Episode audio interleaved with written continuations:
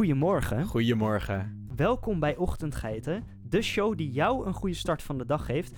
Wij zijn jouw gastgeiten. Ik ben Sam En ik ben Cheert. en wij gaan het deze aflevering hebben over tafels. De geschiedenis ervan, eh, welke sporten erop worden gespeeld.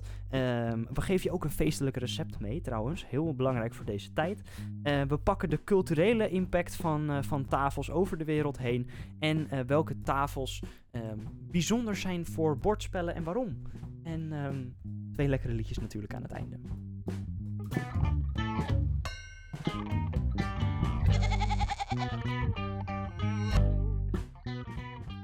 We zitten vandaag weer een keertje bij elkaar. Dat is echt weer een hele lange tijd geleden dat dat voor het laatst gebeurd is. Wederom te lang geleden. Wederom te lang geleden. En we zitten hier mooi eh, bij jou. We zitten achter een eh, mooi bureau. En een bureau dat is ook een soort tafel, toch? Ja, Zeker. Zeker. Ja, die grote toch, dat was misschien niet helemaal nodig. Een bureau is tafel. maar maar tafel is niet bureau. een tafel is niet bureau. Nee, precies. Alle bureaus zijn tafels, maar niet alle tafels zijn bureaus. Behalve als je kijkt naar politiebureau, want dat is niet per se een tafel. Precies, dus niet alle bureaus zijn tafels. Nee, en ook niet alle tafels zijn bureaus. Nee. Nee. Oké, nou. We gaan een goede ontdekking eh, doen we hier. Ik wens jullie een hele prettige dag. Bedankt voor het luisteren. Dit was het voor Dat vandaag. was het voor vandaag. Nee, gelukkig, gelukkig niet. We hebben nog een hele leuke aflevering in petto. Waar we dus helemaal gaan lullen over van alles en nog wat met tafels. Een blad en vier poten. Een blad met vier poten. Niet eh, de andere tafels. Tenminste, ik weet niet of er andere tafels langskomen. Niet eh, de, ta- de tafel van twee of zo.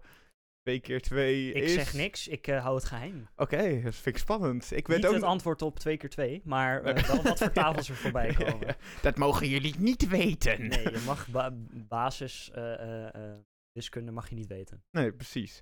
Nou, ik ga wel even het spit afbijten. Het spit wat wij bij, voor ons op tafel ligt.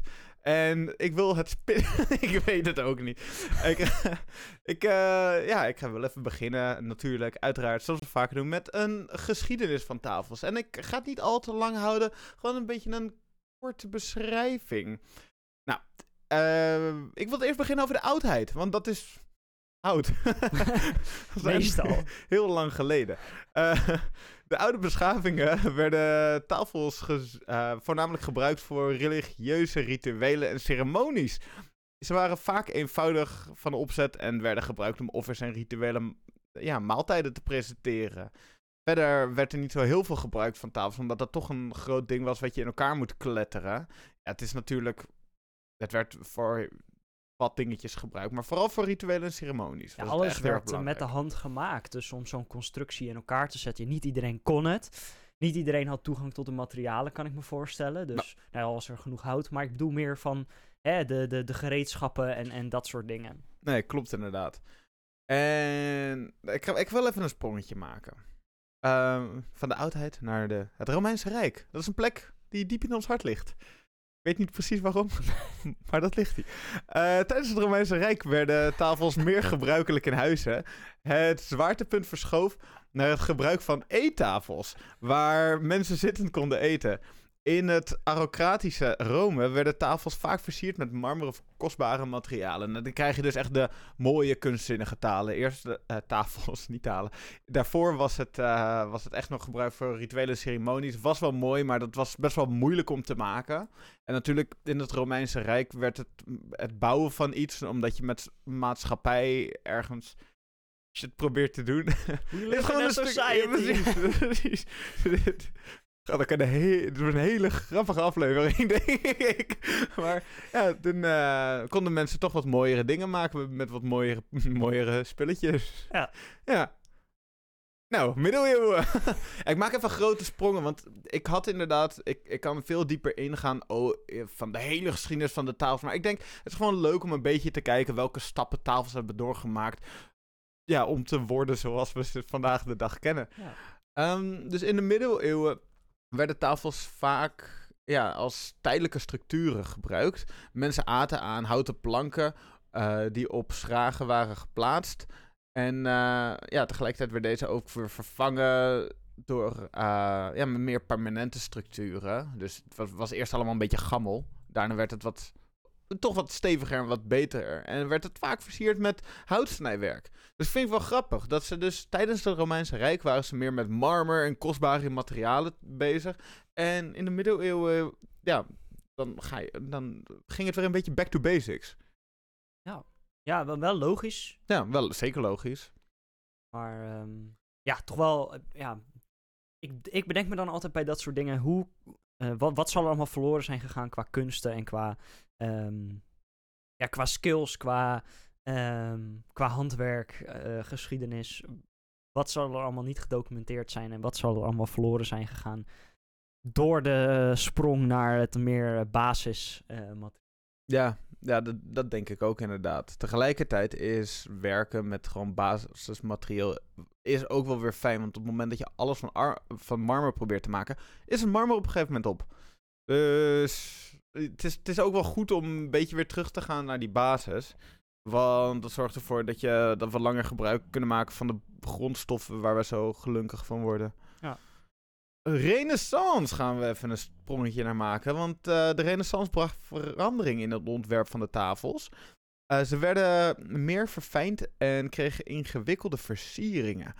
De eettafel werd een belangrijk meubelstuk in huizen, waarbij sociale interactie en gastvrijheid centraal stond. Nou, dan begint het echt steeds meer. Het leek er eerst al een beetje op van wat we nu hebben, maar het begint steeds meer te worden zoals we het vandaag de dag gebruiken en zoals we het vandaag de dag kennen. Ja. En ehm, in de 17e en 18e eeuw eh, werden tafels steeds ingewikkelder. De eettafels werden prominenter en dienden als statussymbool. In de hogere klasse ja, werd werden uitgebreide banketten gehouden. En deze tafels die werden ook vaak geserveerd met luxueuze stoffen. Dus toen kwam ook echt inderdaad de- het tafelkleed bijvoorbeeld. Dat, dat was toen echt een ding aan het worden. Omdat je de rest van de tafel gewoon schoon wil houden. Nou, dan gaan we door naar de 19e eeuw. Want de 19e eeuw, dat is de Victoriaanse periode. Tenminste, daar zat de Victoriaanse periode in. En dit gaf heel veel diversiteit aan tafelontwerpen. En dat was variërend van eenvoudige tot zeer versierde modellen. Eh, de functionaliteit van de tafel als eetoppervlak werd daarin ook weer verder benadrukt. Dus nog meer die gastvrijheid en dat eten daarin centraal stellen. En in de 20e eeuw, dus in de moderne tijd, werden tafels steeds, nog steeds functioneler en steeds praktischer. Eh, het gebruik van verschillende materialen, zoals bijvoorbeeld metaal en kunststof, dat nam toe bij het designen van de tafels. En designstromingen zoals modernisme en minima- mi- minimalisme, minimalisme beïnvloeden de vormgeving van de tafels. Dus daar in de 20e eeuw zag je echt dat de tafels echt steeds meer, ja, nog, nog meer werden zoals we ze vandaag de dag kennen. Met gewoon eh, ook ijzeren dingen erdoorheen, zodat het wat stabieler was. En soms wat gekke designtjes, van kunststof gemaakt. En vanuit daar zijn we op een gegeven moment eh, ja, de tafels van eh, vandaag gaan gebruiken. Dat, dat eigenlijk ook dezelfde tafels vaak zijn als de tafels uit de 20e eeuw. Ja. Eh, ja, dus ja, dat, eh, dat maakt dat hele verhaaltje rond. Dus eh, dat is een beetje hoe wij. een soort van korte geschiedenis van tafels en hoe het uiteindelijk is geworden zoals het vandaag de dag is. Dus waar dat eten en gastvrijheid vooral echt prominent staat. Ja, wat wel grappig is dat je zegt van hè, ze gaan steeds meer materialen gebruiken, voegen metaal toe.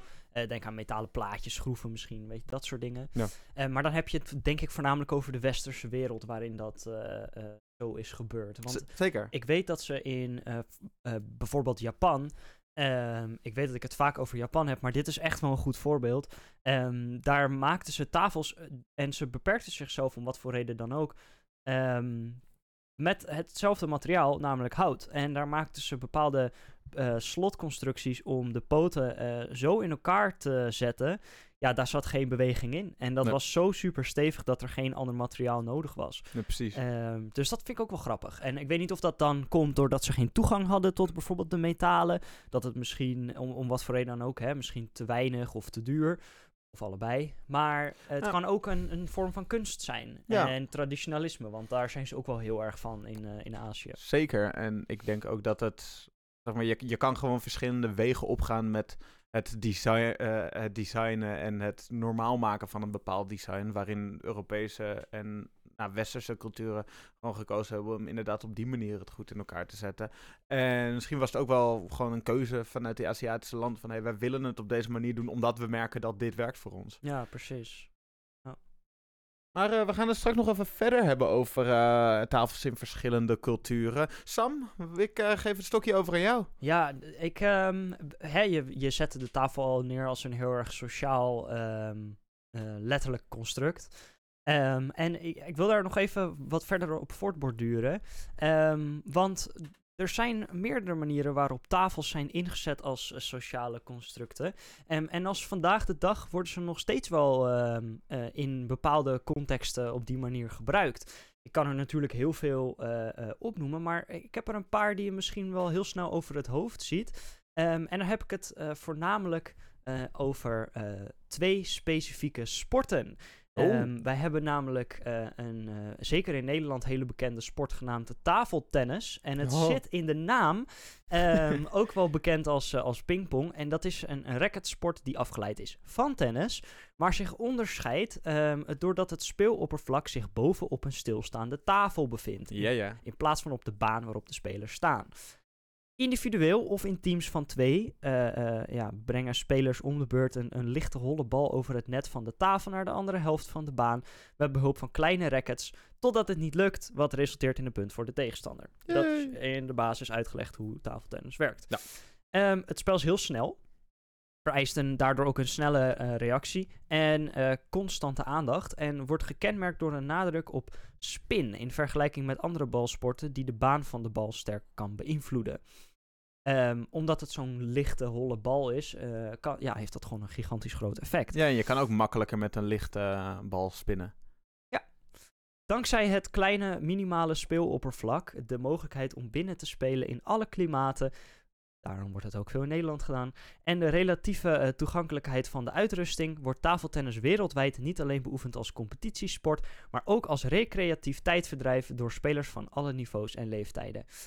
Wat wel grappig is, is dat ehm, ik zag dat tafeltennis sinds 1988 een Olympische sport is. Dat is eerder dan ik had verwacht. Ja? Ja, ik had verwacht dat het eh, misschien ergens eind jaren 90 eh, zo zou zijn Ja, gebeurd. fair maar, enough. tien jaar eerder. Ja. Ehm, en dan gaan we eventjes in op de eh, specifieke maten, want hè, we hebben het tenslotte over tafels, dus ik ga wel in op de tafel. Ja, natuurlijk. Eh, de tafeltennistafel is precies 2,74 meter lang, ehm 1,525 meter breed en eh, 76 centimeter hoog. En dat is echt precies. En ja, dat is heel specifiek. waarom eh, eh, eh, zou je zeggen van, hè, hoe kan het nou dat die maten zo ehm, ja, niet, niet afgerond zijn, om het zo maar even te zeggen? Dat komt omdat het van eh, Amerikaanse eh, ehm, maten komt, helaas. Oh, Eh 9 voet lang, 5 voet breed en 2,5 voet hoog. zo vermoeiend altijd, die Amerikanen. Ja, waarom niet gewoon een metrisch systeem gebruiken? Hè? Precies, ze moeten gewoon een Am Amerikaners houden. Sorry. Ehm, deze tafels, deze tafeltennistafels, eh, hebben een, een, een uniforme eh, stuit, zoals je dat noemt, van ongeveer 23 centimeter. eh, wanneer een standaard bal erop valt. Vanaf een hoogte van 30 centimeter. Dus zo wordt het ook echt gemeten. Als je een bal van 30 centimeter hoogte laat vallen, moet hij ongeveer 23 centimeter omhoog stuiteren. En dan is het een goede tafeltennistafel. Oh, wat grappig. Ehm Wacht, kan je, kan, je het nog, kan je dit nog een keer zeggen? Vanaf een hoogte van 30 centimeter, Ja, vanaf de tafel, ja, en je laat een, een pingpongballetje vallen, ja. dan moet dat balletje ongeveer 23 centimeter hoog stuiteren. En Ja. dan is het een, een goede Ja, tafeltennistafel. ik, ik, ineens bedacht mijn brein 33. En toen bedacht ik van, hè, dus hij moet hoger stuiteren dan dat je hem laat vallen, maar het is 23. ja, eh, het is ook wel 77% van het, eh, vanaf hoe hoog je hem laat vallen. Oké, cool. De tafel of het speeloppervlak is uniform donker gekleurd en mat in twee helften verdeeld door een net op eh, eh, 6 inch hoogte, wat 15,25 centimeter is. Ehm, ik word er gewoon bijna agressief van. Ja, ja, ja. ja. Ehm, ja, goed. De, de, er is dus een speciale eh, eh, bond, speciale inspectie, die tafels keurt. Ehm, de ITTF. Ehm, ik weet even niet waar dat voor staat. Internation... ITTF? Internationale Tafeltennis Tafeltennis Ver- Vereniging. Nee, het is een F. Of F. eh, Federation. Ja. Table Tennis Federation, Ja, ja. fair. Ehm, Dat is ook met F. Ehm, die keuren alleen houten tafels of afgeleide daarvan goed. Eh, betonnen tafels met een stalen net of een massief betonnen tussenschot zijn soms beschikbaar in openbare buitenruimtes zoals parken. Nou, die heb jij denk ik ook wel eens gezien, hoor, eh, Jeroen. Eh, Ik doe niet aan park. Zeker, zeker in het buitenland op vakantieparken Ja, zeker. heb je die wel veel staan. Eh, zodat ze niet verplaatst kunnen worden, ook niet door het weer. Eh, maar die worden dus niet gekeurd door de International Table Tennis Federation. Dat merk je vaak ook wel aan die ondergrond. Want dat, eh, dat is dan vaak echt heel erg massief gemaakt. En vaak ook van steen. En daar, daar gaat het vaak ook wat minder lekker op stuiteren. Ja, daar heb je dus geen 77% standaard stuit. Nee, precies. Ehm, de sport... Dat ontst- iets te serieus. de sport die ontstond in het Victoriaanse Engeland. eh, waar het werd bespeeld, eh, gespeeld door de hogere klasse als een gezelschapsspel na het eten. Oeh. Eh, dus dat werd ook mee op een tafel gedaan. Dus dat heeft wel correlatie. Er wordt gesuggereerd dat geïmproviseerde versies van het spel werden ontwikkeld door Britse militaire officieren in India rond de jaren 1860 of 1870, die het mee terugbrachten. Een rij boeken stond langs het midden van de tafel als een net. Twee andere boeken dienden als rackets en werden gebruikt om continu een golfbal te slaan. Oh, wauw. Ja. Golfbal, maar die golfballen zijn best wel zwaar. Ja, maar wel het formaat. Dus, ehm, en En als je hard genoeg gooit, en dan stuitert het vanzelf. ja, dat is met alles. Ja. Goed. Ehm, dan ga ik naar een andere eh, sport. Zoals ik eerder al zei, ga ik het over twee verschillende sporten hebben. En de andere sport die op tafels wordt gedaan is biljarten. Ehm, een biljarttafel ehm, is een begrensde tafel, oftewel er zit een muurtje omheen, waarop biljarts worden gespeeld. In het moderne tijdperk hebben alle biljarttafels een plat oppervlak dat meestal is gemaakt van leisteen. Dat is bedekt met een doek. Ehm, meestal van een dichtgeweven eh, eh, eh, wol, genaamd, ik ga echt mijn best doen, baize. B-A-I-Z-E. En wordt omgeven door gevulkaniseerde rubberen kussens, waarbij het geheel boven de vloer is verheven. Ehm. Oké, goed. Ik, ik- ja, er staat. Ik, ik ga dit over. Sam is uitgevallen, Ik ga dames en dit heren. overslaan. dit is een, eh, een, eh, een overbodig eh, stukje informatie. Ehm, maar ehm, ja, er worden natuurlijk wel specifiekere termen gebruikt voor specifieke sporten. Je hebt ook de snoekertafel, de pooltafel. Ehm, en op deze tafelsoorten worden biljartballen van verschillende afmetingen gebruikt. Ehm, ook wel grappig, de biljarttafel heeft niet altijd de biljarttafel geheten. Ehm, vroeger heette het de biljartplank eh, in de 16e en de 17e eeuw. Oké. Dan een klein beetje de constructie van de tafel. Je hebt de kussens, soms ook wel railkussens, kussenrubber of zelden bumpers genoemd. Die bevinden zich aan de binnenkant van de houten rails van de tafel. Er zijn verschillende materialen en ontwerpfilosofieën verbonden aan kussenrubber. Eh, deze kussens zijn gemaakt van een elastisch materiaal zoals gevulkaniseerd rubber, gom of synthetisch. Eh, het doel van het kussenrubber is om de biljartballen terug te laten kaatsen van het rubber, terwijl het verlies van kinetische energie geminimaliseerd wordt. Oeh. De bedtafel, het met eh, stof bedekte horizontale speeloppervlak, wordt bij hoogwaardige apparatuur gemaakt van een massieve gladde platen leisteen, wat ik net al zei. En dat komt dus meestal uit Italië, Brazilië of China. Dat is wel heel specifiek. Ja. Hoezo is het... Ja, je hebt natuurlijk een hele specifieke ondergrond ook voor nodig. Ja, om ervoor te zorgen dat, die, dat de bal precies juist rolt. Zodat je daar niet verschillen in hebt met tafels. Dan het biljartlaken, eh, soms foutief vilt genoemd. Nou, volgens mij noem ik het al mijn hele leven vilt. Ehm, is een specifieke soort laken dat de bovenkant van het speeloppervlak van de tafel bedekt. Zowel de rails als de lijststeenbedden zijn bedekt met ehm, 21 tot 24 ounce biljartlaken. ehm, hoewel er ook goedkopere 19 ounce doeken verkrijgbaar zijn. Dat meestal groen van kleur is. Wat staat voor het gras van de oorspronkelijke grasmatspellen waaruit het biljart is voortgekomen. Oh. Ehm, en het bestaat uit een geweven wol of wol-nylon mix, eh, die dus bijze wordt genoemd, als ik het goed zeg. Vizieren, ook wel diamanten genoemd vanwege hun traditionele vorm, zijn ingelegd op precieze gelijkmatig verdeelde posities langs de rails van sommige tafels, meestal niet op snoekertafels, om te helpen bij het richten van eh, eh, bank- of kickshots. zijn er zeven langs elke lange rail, waarbij de zijpocket interfereert met waar de zevende zou komen op pocketbiljarttafels. En eh, drie langs elke korte rail, waarbij elk van de vier hoeken telt als een andere in de wiskundige systemen waarbij de diamanten worden berekend. Deze vizieren verdelen het speeloppervlak in gelijke vierkanten. Er zijn boeken, zelfs hele series boeken, geschreven over geometrische en algebraïsche systemen voor het richten met behulp van de diamanten. Een, ik grappig. Een pooltafel of pocket eh, biljarttafel heeft zes pockets, één in elke hoek van de tafel en één in het midden van elk van de lange zijden. Ehm, nou ja, goed, dat eh, weten wij allemaal. Yes. Ehm, dat was eventjes sporten op tafels. Ehm, je kan vast nog wel andere sporten bedenken die je op tafels kan doen. Zeker. Wat vind jij de leukste tafelsport? tafeltennis, Tafeltennis? 100%. Ja, ja.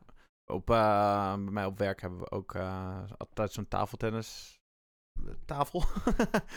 en eh dat is altijd wel, er wordt ook goed gebruik van gemaakt, kan ik je zeggen. Iedereen, wil, gewoon- iedereen vindt het gewoon leuk om tafel te tennissen. Het is, eh, het is gewoon heel leuk te om te doen en het is niet moeilijk om te leren. Het is niet ingewikkeld. Ehm, dus ja, het is gewoon superleuk. Hm, precies. Ik vind levend tafelvoetbal vind ik ook wel grappig. Dat- Levend tafelvoetbal. heb je Gaat iedereen dan op één, één tafel staan?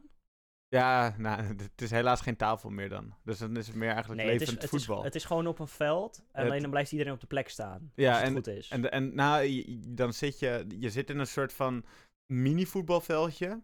En dan heb je van die stokken, die je ook met tafeltennis hebt. Maar dan zit je aan die stokken vast. Dus je kan alleen maar op die plek van die stokken. En dan moet je met elkaar samenwerken om dan naar links en naar rechts gaan. je bedoelt eh, Allemaal tafel, naar eh, links! je bedoelt tafelvoetbal, denk ik. ehm. Dat zei ik. Ik, ik zei levend tafelvoetbal. Je zei tafeltennis. Maar dat maakt niet uit. Voor de Ik verduidelijking. zei levend tafelvoetbal. Nee, dat is mooi van een opname.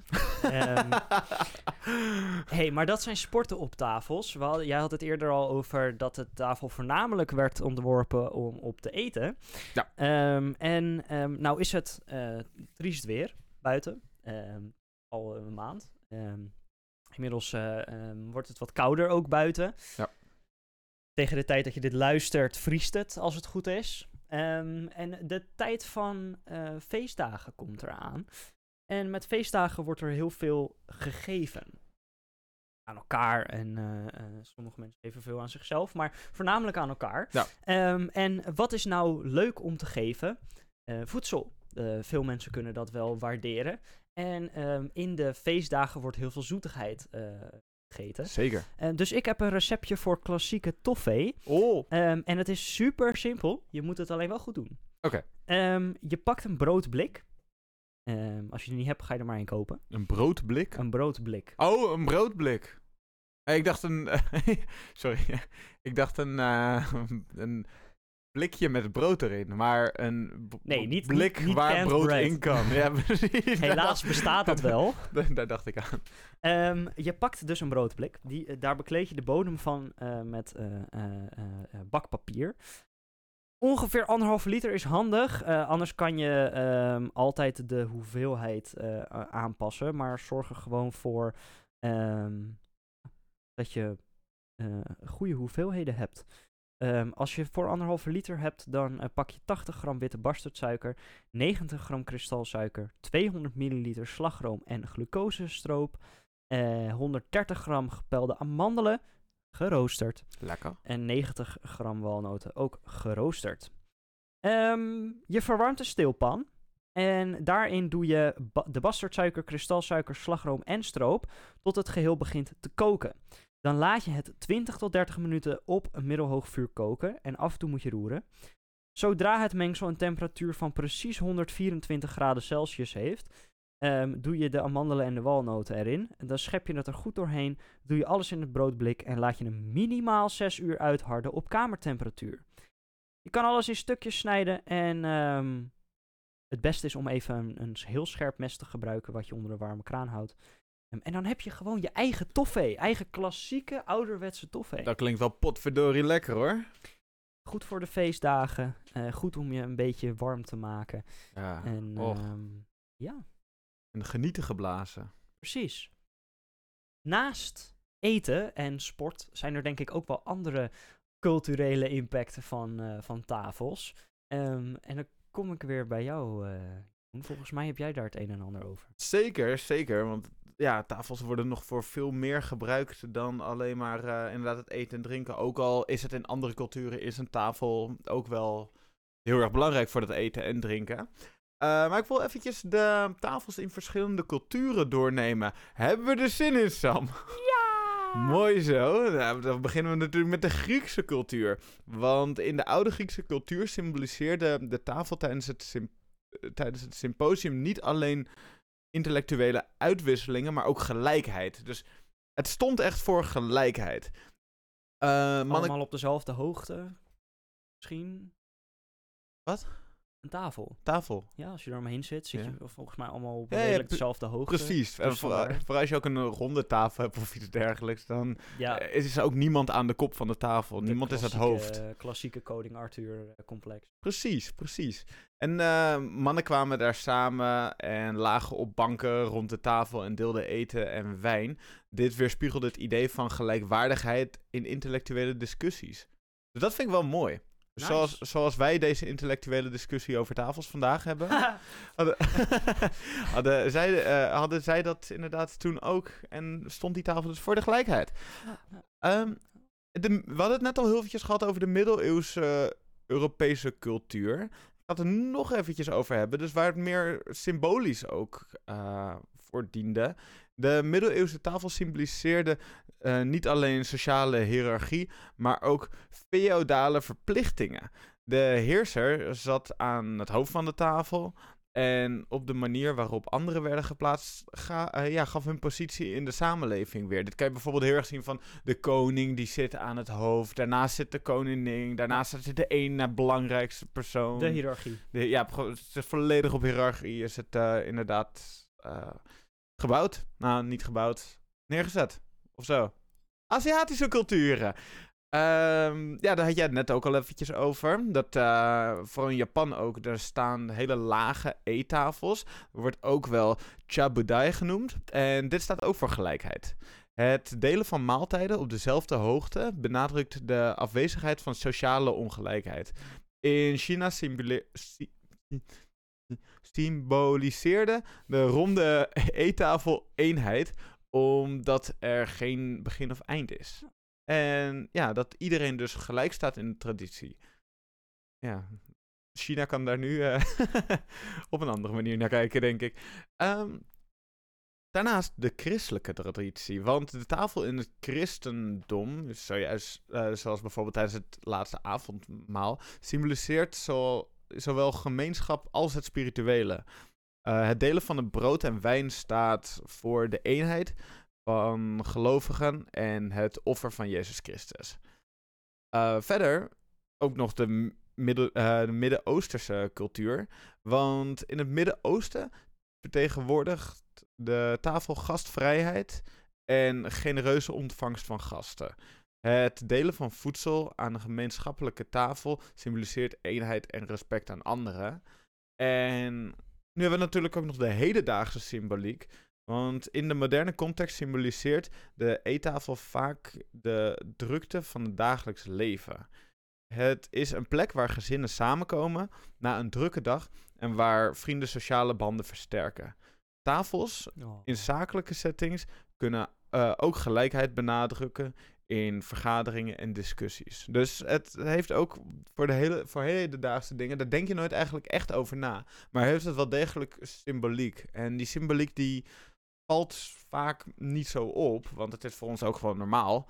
Ehm, maar ja, als je er even bij stilstaat, dat klopt wel allemaal. Ik ga er iets dieper op in. En dit is eh, een beetje filosofisch, maar het is ook een beetje een vraagstuk. Dus ik wil ook jouw mening erover hebben. Ik ben heel erg benieuwd. Ehm, het is algemeen bekend, of tenminste, naar, mijn idee, algemeen bekend dat ehm, mannen over het algemeen, als ze eh, elkaar eh, aardig vinden of goede bedoeling hebben en met elkaar een gesprek voeren, dat ze niet zo heel snel recht tegenover elkaar gaan staan of zitten.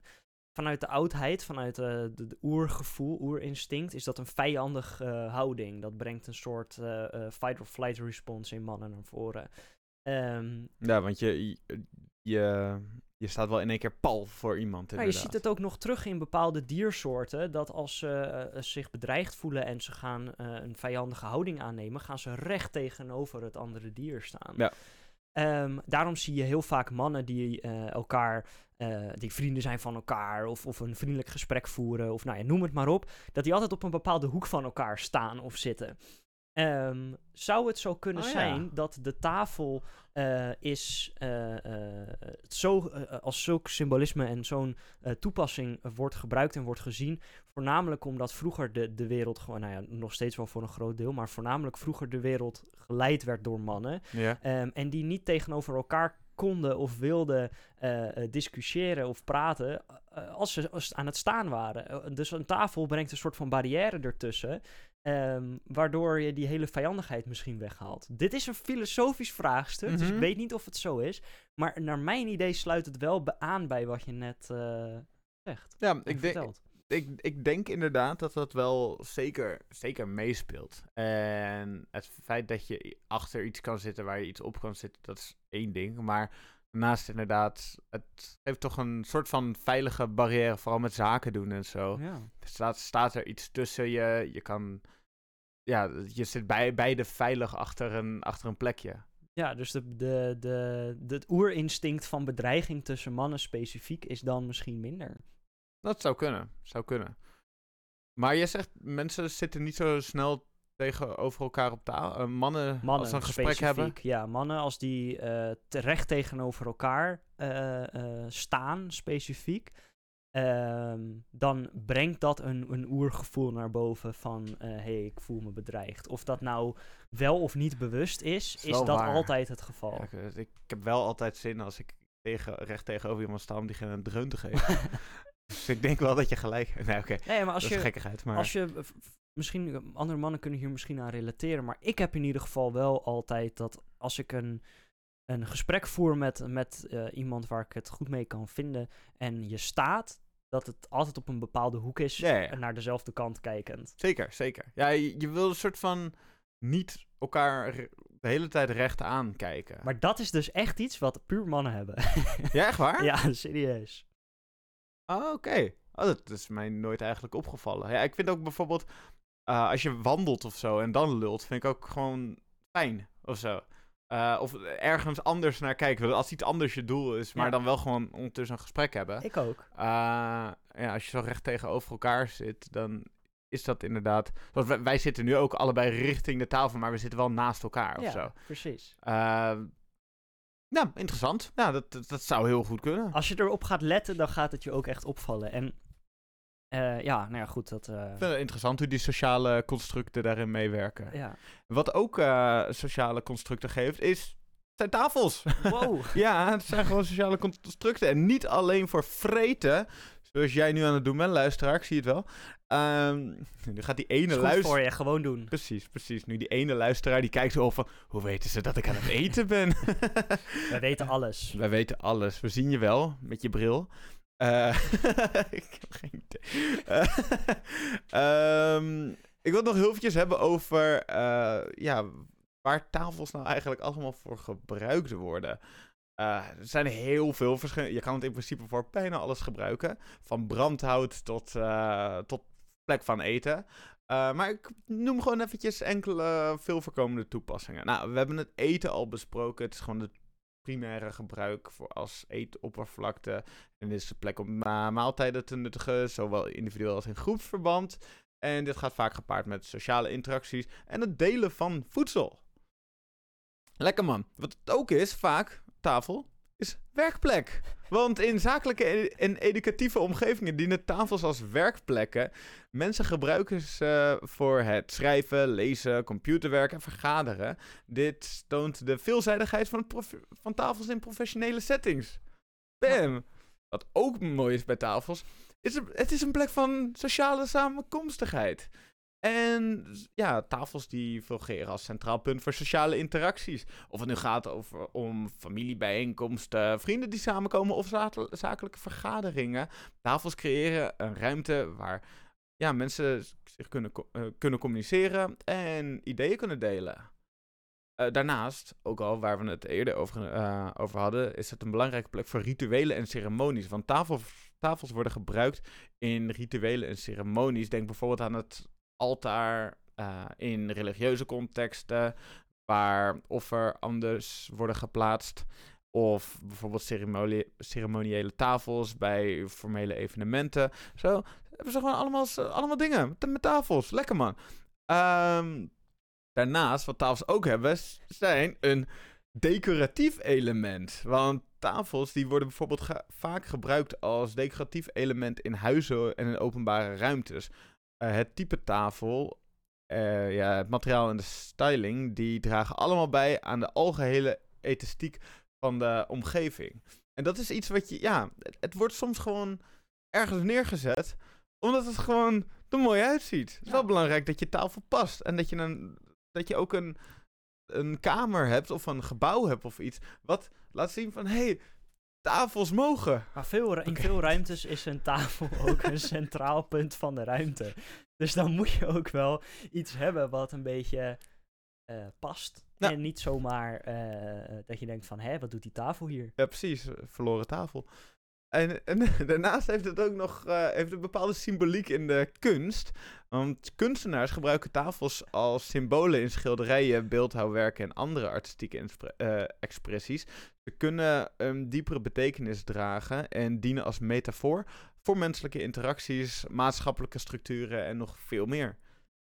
Dus uh, daarom zie je soms tafels in kunst terugkomen waarvan je denkt van, hé, hey, waarom, waarom moest deze tafel er nou?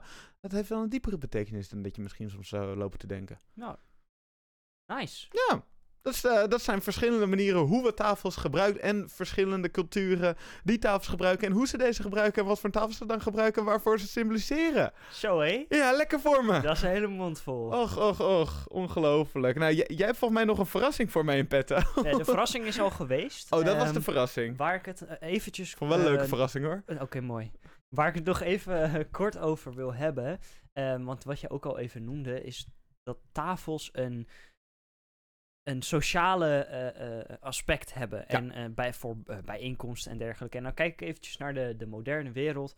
Um, waarin bordspellen een belangrijk deel van een grote groep mensen hun leven zijn. Zeker. Um, nou ja, ik denk dat iedereen dit luistert daar wel aan kan relateren. Misschien doe je het nu niet meer, maar is er wel een periode in je leven geweest dat je het hebt gedaan. Uh, uh, of uh, misschien heb je het nooit gedaan en vind je het nu in één keer wel heel erg leuk. Ja. Um, wat vind jij van bordspellen, Jeroen? Ik vind het fantastisch. Ja? Ja, het is, het is... Ik ben dus best wel... Ik ben best wel fanatiek, maar ik probeer het niet toe te geven mm -hmm. tegenover mezelf. Dat, ik, ik heb een tijdje tegen mezelf uh, gezegd. En ik heb mezelf voorgelogen dat ik, dat ik niet zo fanatiek ben. maar ik, ik... Dat ken ik. ik, ik, ik, ik, voel toch elke keer die pijn wanneer ik niet win. En die is dan groots aanwezig. Maar, daarentegen is een spel, een bordspel, zelfs al verlies je, ja, wordt wel een beetje zagrijnig, maar uh, gewoon het spelen van een spel, het iets met elkaar doen, de connectie die je met de mensen hebt waarmee je het speelt, de interacties die je hebt op die momenten, het gewoon het denken. Ik hou vooral van, uh, van spellen waar je gewoon echt lekker moet nadenken en gewoon lekker spelen. dan zit je met elkaar rond die tafel en dan ben je gewoon met z'n allen bezig met het ene doel. En dat vind ik top. In een wereld waar iedereen steeds individualistischer wordt, heb je toch momenten dat je met, met elkaar bij elkaar komt en dan gewoon leuk een spel kan spelen. Exact. En uh, dat is, nou, ik denk dat je het niet beter, uh, uh, een betere aanloop had kunnen nemen dan dat voor mij. Dus dankjewel. Alsjeblieft. Um, maar ik wil het eventjes doorschuiven naar een bordspel genaamd Dungeons Dragons. Um, wat ik regelmatig speel. Helaas de afgelopen tijd wat minder. Maar dat gaat weer alweer heel veel gebeuren. Specifiek um, voor de luisteraars vorig weekend. en er zijn dus tafels die specifiek daarvoor zijn ontworpen. Um, er zijn bedrijven die die tafels maken. Um, want als je een gewone eettafel pakt, mm -hmm. uh, moet je je even voorstellen voor de mensen die geen idee hebben hoe Dungeons Dragons gespeeld wordt. Misschien heb je nooit Stranger Things gezien, kan zijn. Dan pak ik even de meest, uh, de, de meest moderne, meest bekende... Po poppy-oppie. Precies. Um, er is een, een leider van het spel, een, een, een dungeon master zoals dat dan wordt genoemd, of een game master. Die heeft een scherm voor zich, een bepaald scherm om zijn eigen of haar eigen of hun eigen notities, dobbelstenen, eh, papieren, eh, tekeningen, laptop, eh, pennen, whatever je allemaal daarop liggen, om dat eh, geheim te houden slash ja, een beetje te verbergen voor de spelers, zodat je niet alles meteen verklapt. Ja. Niet iedereen maakt hier gebruik van, maar de meeste wel. Dan heb je een aantal spelers die aan de andere kant van dat scherm zitten. En die zitten tegenover elkaar gericht. Dus je hebt één iemand aan de vaak standaard rechthoekige tafel. één iemand aan de kop van de tafel. Die is de leider van het spel. Eigenlijk kan ik het niet zo verwoorden, maar dat, dan ga ik heel verder in. En Ja. dat hoeft niet. Ehm, en dan heb je de spelers die zitten tegenover elkaar eh, en naast elkaar. Ehm, afhankelijk van hoeveel het er zijn natuurlijk. Maar eh, die hebben ook spullen bij zich. Die hebben notitieblokjes, hoopje, ehm, eh, dobbelstenen, hun eigen papieren, eh, noem het maar op. En dan in het midden van, het, van de tafel gebeuren vaak ook nog dingen. Misschien een kaart, eh, poppetjes, nou ja goed, kaarten, whatever. Er komt van alles bij kijken. Ja. Maar, ehm, nou zijn er dus bedrijven die speciale tafels hiervoor maken, wat ik al even noemde. En wat ze doen, is in het midden van de tafel wordt dan bijvoorbeeld een scherm geïnstalleerd.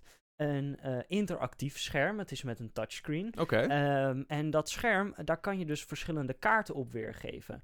Het spel Dungeons and Dragons wordt gespeeld met, eh, vaak met vierkantjes of met zeshoeken. eh, die op elkaar aangesloten zijn om aan te geven waar de ruimtes zijn waar personages of monsters of wat dan ook kunnen staan. Ja.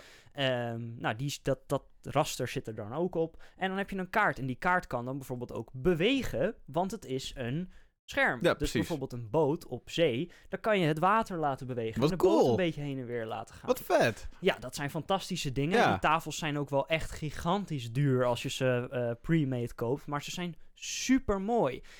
om een bedrijf te noemen die ze maakt. eh, eh, bijvoorbeeld Wormwood is een bedrijf die deze tafels maakt. Die zijn super mooi. Heel veel mooie houtsoorten. Er zit echt heel veel passie in. En ehm, net als in het spel.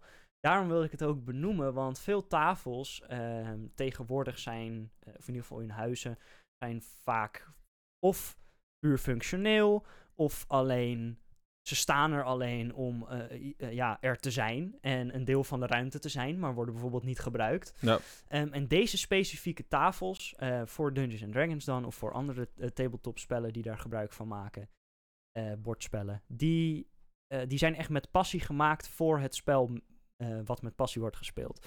Dus de tafels, dat, dat zie je er gewoon in terug. Ja, Je- precies. Je, je Je- ziet het, dit, Er zit bepaalde artwork in. Ja, het, is- het is echt een kunstwerkje, eh, elke tafel. En eh, dat maakt hem ook wel bijzonder.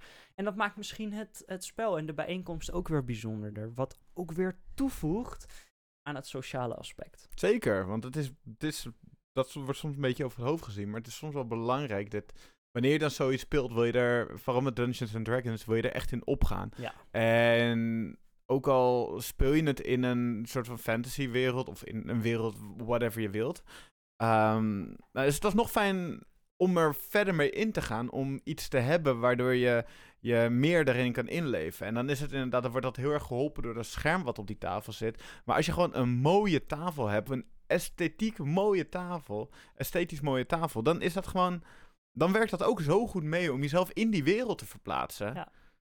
Ja, precies. Ehm, dus, nou ja, goed. Zodra ik eh, mijn eigen woning heb eh, eh, en ik een tafel kan regelen, dan ga ik of zo'n tafel maken. Ja, want dat kan, dat kan ook. Je kan zelf ook een scherm in zo'n tafel bouwen. Ja, je kan praktisch gewoon een tv-scherm pakken, de lijst ervan afhalen en het scherm aan de onderkant van de tafel vastmaken. Je zaagt het midden voor een deel eruit en je plakt het scherm eronder. Ja. Je eh, gooit wat kabels in een kabelgoot naar het, het hoofdeinde en die kan je aansluiten op een laptop of een computer of wat dan ook. Ja. Dus dat is inderdaad een, zeker een goede optie. En dat wordt ook wel veel gedaan. En dat is een heel stuk goedkoper als je het goed doet dan eh, het laten maken. Ja. Eh, maar je moet je het wel weten wat je doet natuurlijk. ja, precies. En het is natuurlijk ook wel leuk om, om daar echt een project... Niet, een, niet een paar, paar stukjes hout in elkaar eh, gooien met een schermpje. Dat kan je doen, maar het is ook leuk om daar zelf echt je project te maken. Want je, je creëert in Dungeons and Dragons creëer je een wereld. En hoe vet is het als je een speciaal een tafel maakt voor die wereld Ja, ook. exact. Nou ja, goed. Dat zijn eh, dromen van, eh, van Game Masters en Dungeon Masters. Ehm, daarom wil ik het er ook over hebben. Cool. Ehm, maar dat was even alles over tafels, tenzij jij er nog iets aan toe wil voegen, Jeroen. Ehm, nee, ik denk het niet. Ik, ik vind tafels wel leuk. Ja. Ja, wat is jouw favoriete tafel? Wat is jouw favoriete bezigheid aan een tafel? Als, bureau, als we bureaus als tafel tellen, Ik denk het wel. dan zou ik eh, waarschijnlijk gamen zeggen. Ja. Ehm, maar eh, dat is gebaseerd op wat ik het vaakste doe aan een tafel. Ja. Als ik denk aan de echte favoriete bezigheid, dan zou ik toch wel D&D zeggen. Oké, cool. En wat is jouw favoriete tafel? Specifieke singular tafel of tafelsoort? Nee, specifieke singular tafel. Ja, en dan denk ik die toch wel bij, eh, bij eh, mijn moeder en eh, mijn stiefvader thuis. Want daar heb ik jarenlang gewoond en veel herinneringen aan. Dus ik denk dat dat het wel is. Ja, cool. Mooi. En, ja, en die van jou? Ik denk hetzelfde bij mijn, die bij mijn ouders thuis. Dat is, is een mooi tafeltje. Veel meegemaakt aan de tafel. Altijd gezellig. En niet altijd, altijd gezellig, maar kan ook niet. vaak wel gezellig. Ja. en eh, ja, gewoon wat je zegt, mooie herinneringen aan zo'n plek. Nice. Dat is ook, weet je, tafels zijn maar instrumenten. De herinneringen maak je zelf. Wauw. Ehm, Ik wou bijna afsluiten, zo mooi is het. Maar we gaan nog naar liedjes. We gaan nog even door. Ehm, ik wil beginnen met jou, Jeroen. Want het liedje, ik heb hem eh, niet kunnen luisteren nog. Ehm, dus het wordt voor mij nog een, eh, nog een ontdekking. Maar ehm, het zag er bijzonder uit. Ja. De, de cover zag er eh, in ieder geval donker duister uit. Ik weet niet of dat resoneert met het lied, maar Ja, wel een beetje. Ik vind het wel een. Ik vind het een heel erg interessant nummer. Want het is een. eh, het is een. Ja, combinatie tussen eh, rock. Een beetje alternatieve rock. En rap. En vooral een beetje gangster rap. ja. En het nummertje. Wat ik deze week naar voren ga schuiven. Dat heet Promenade. En dat is van de Street Sweeper Social Club. En dat is een samenwerking tussen Tom Morello van Rage Against, de gitarist van Rage Against the Machines, en iemand anders waarvan ik nu even de naam niet meer weet. Boots Ik- Riley. Yes, precies, thanks. En dat is, eh, ja, het is gewoon, ik vind het echt een fantastisch nummertje, want het is, eh, er zit echt een hele vette baslijn in. Die gaat het hele nummertje door.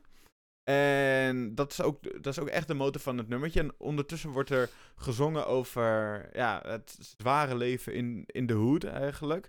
Dat hij als eh, zwarte Amerikaan eh, niet altijd overal goed behandeld wordt. En dat je soms wel moet vechten voor je plek binnen je samenleving. Ja. Ik vind daarbij ook de naam heel erg toepasselijk van de band. Dus eh, dat is de Street Sweeper Social Club. Want het wordt toch altijd wel een beetje gezien als de onderkant, de onderlaag van de samenleving. Ehm, Zo'n hoed. Zo'n hoed. Ehm, ik vind het nummertje, ook omdat het een beetje eh, buiten, het, buiten hetgene ligt wat, hoe ik het leven zie en hoe ik eh, ja, meer het leven ervaar. En ook omdat ik niet zo heel veel naar rap luister, dacht ik, weet je, ik gooi deze wel gewoon naar voren, want ik vind hem gewoon fantastisch. Er zitten ook hele lekkere achtergrondmelodieën in. Dus eh, ga het gewoon lekker luisteren, want het is gewoon fantastisch. Ja, wat ik wel nog leuk vind om eraan toe te voegen, is je, hè, je zei even. Tom Morello. Ja. Ehm, die sluit ook wel goed aan bij het, eh, het, het onderwerp wat wordt aangesneden. Zeker. Eh, want dit is ook gewoon een, eigenlijk een, een wandelende, eh, permanente activist. Ja. Eh, eh, wat natuurlijk supergoed is voor de, voor de maatschappij. En, Zeker. Ja, die man heeft superveel gedaan en, eh, Ja. en, eh, en, en teweeg gebracht. En eh, om nog eventjes op verder te gaan. Tom Morello die heeft, eh, die heeft dus ook hierin gewoon een heerlijke gitaarsolo. Hij zegt zelf dat het, ja, het, het gewoon niet afvoelde. Het voelde een beetje naakt zonder die gitaarsolo. Eh, en dat, dat hoor je ook wel. Je hoort ook de kleine Tom Morello, als je een beetje meer van Tom Morello kent. Je hoort die kleine plingeltjes hoor je tussen het nummer door. En dan maakt het nummer alleen maar beter. Ja, precies. Ik, wat, eh, Boots Riley is trouwens ook filmregisseur, producer, screenwriter en ook een socialistische activist. En filmregisseur van wat dan? Ehm goeie vraag. Denk je? Ehm, Ook eventjes aan het kijken. Sorry to Bother You en I'm a Virgo. Wauw. eh, ja, oké. Die I'm a Virgo is dit jaar uitgekomen. Sorry to Bother You in 2018. Waarvan hij zowel regisseur als schrijver was. Oké. Featurefilm trouwens. Eh, Sorry to Bother You. En I'm a Virgo is eh, een televisie... eh, ik weet niet of het een serie is. Ja, het is een absurdistische comedy, eh, comedy televisieserie, Nou, miniserie. Nou, leuk voor hem. nee. al bijzonder als mensen die zoveel ehm, creatieve dingen voortbrengen in hun leven dan zo'n samenwerking hebben. Altijd leuk. Ja, zeker, zeker. En dat creëert dus het mooie nummertje wat je dus kan luisteren. Wap, in de show notes. Ik ga een liedje bespreken genaamd Abracadabra van eh, Steve Miller Band, wat iets meer cliché is dan eh, een lied wat jij hebt uitgekozen. Ehm, het gaat eh, over het verlangen naar een geliefde. Het is geschreven door bandleider Steve Miller eh, van Steve Miller Band. Goh. Ehm, door hem geschreven nummer is een new wave-achtig nummer wat als eerste single van het gelijknamige album ehm, ja, werd uitgebracht. Cool. Ehm, er is ook een single van eh, op vinyl uitgebracht toen de tijd in eh, 1982, dus dat is alweer eventjes geleden. Ehm, maar ja, heel veel eh, ehm, verder dan dat qua, hoe zeg je dat, qua onderwerpen, qua, qua teksten gaat het niet, vind ik. Maar ehm, ja, de muziek zelf is gewoon heel nice. Ja, En- het is gewoon echt een fijn liedje om naar te luisteren, inderdaad. ja, en ik wilde hem eh, als aansluiter op het eh, lied wat ik vorige week eh, heb uitgekozen doen. Als een klassieker Ja. die je moet kennen. En als je hem niet kent, moet je hem gaan luisteren. Als je hem wel, wel kent, heb je hem misschien al lang niet meer gehoord. En is Ja, het ook gewoon nice. Dat, dat had ik ook. Hij, hij begon met spelen. Ik had, hem ik had hem geluisterd onderweg dat ik naar je toe kwam. En ik, ik luisterde en ik dacht echt... Oh, wow, dit nummertje heb ik een tijd niet meer gehoord. En dat is wel echt... Ik was ook helemaal niet dat dat van de Steve Miller Band was. Maar het was wel echt nice om het weer een keertje te horen. Want het is gewoon een koulo goed nummertje. Ja, ja, eens. Nou, geniet lekker van de liedjes en de informatie over tafels. En misschien sta je er nu wel wat meer bij stil als je om een tafel zit met mensen. Ehm, waar het vandaan komt en wat de betekenis is. En misschien hecht je er dan wel meer waarde aan. Precies, en het is gewoon altijd leuk om met mensen eh, wat af te spreken, om gewoon lekker even rond de tafel te zitten. En mensen houden ook van die sociale interactie met elkaar, om bijvoorbeeld zo'n eh, zo'n tafelspel te spelen. Zo'n lekker, lekker spelletje, lekker bordspelletje te spelen, lekker kaartspelletje. Ga gewoon lekker met je met vrienden, met familie rond de tafel lachen, man. Dat, Of eh, vrouw. Zeker in deze koude, barre tijden Brrr, is dat wel belangrijk. zeker. Nou. Lek- lekker veilig de wintermaanden door. Nou, helemaal leuk. Nou, veel plezier daarmee en eh, tot volgende week. Doei doei!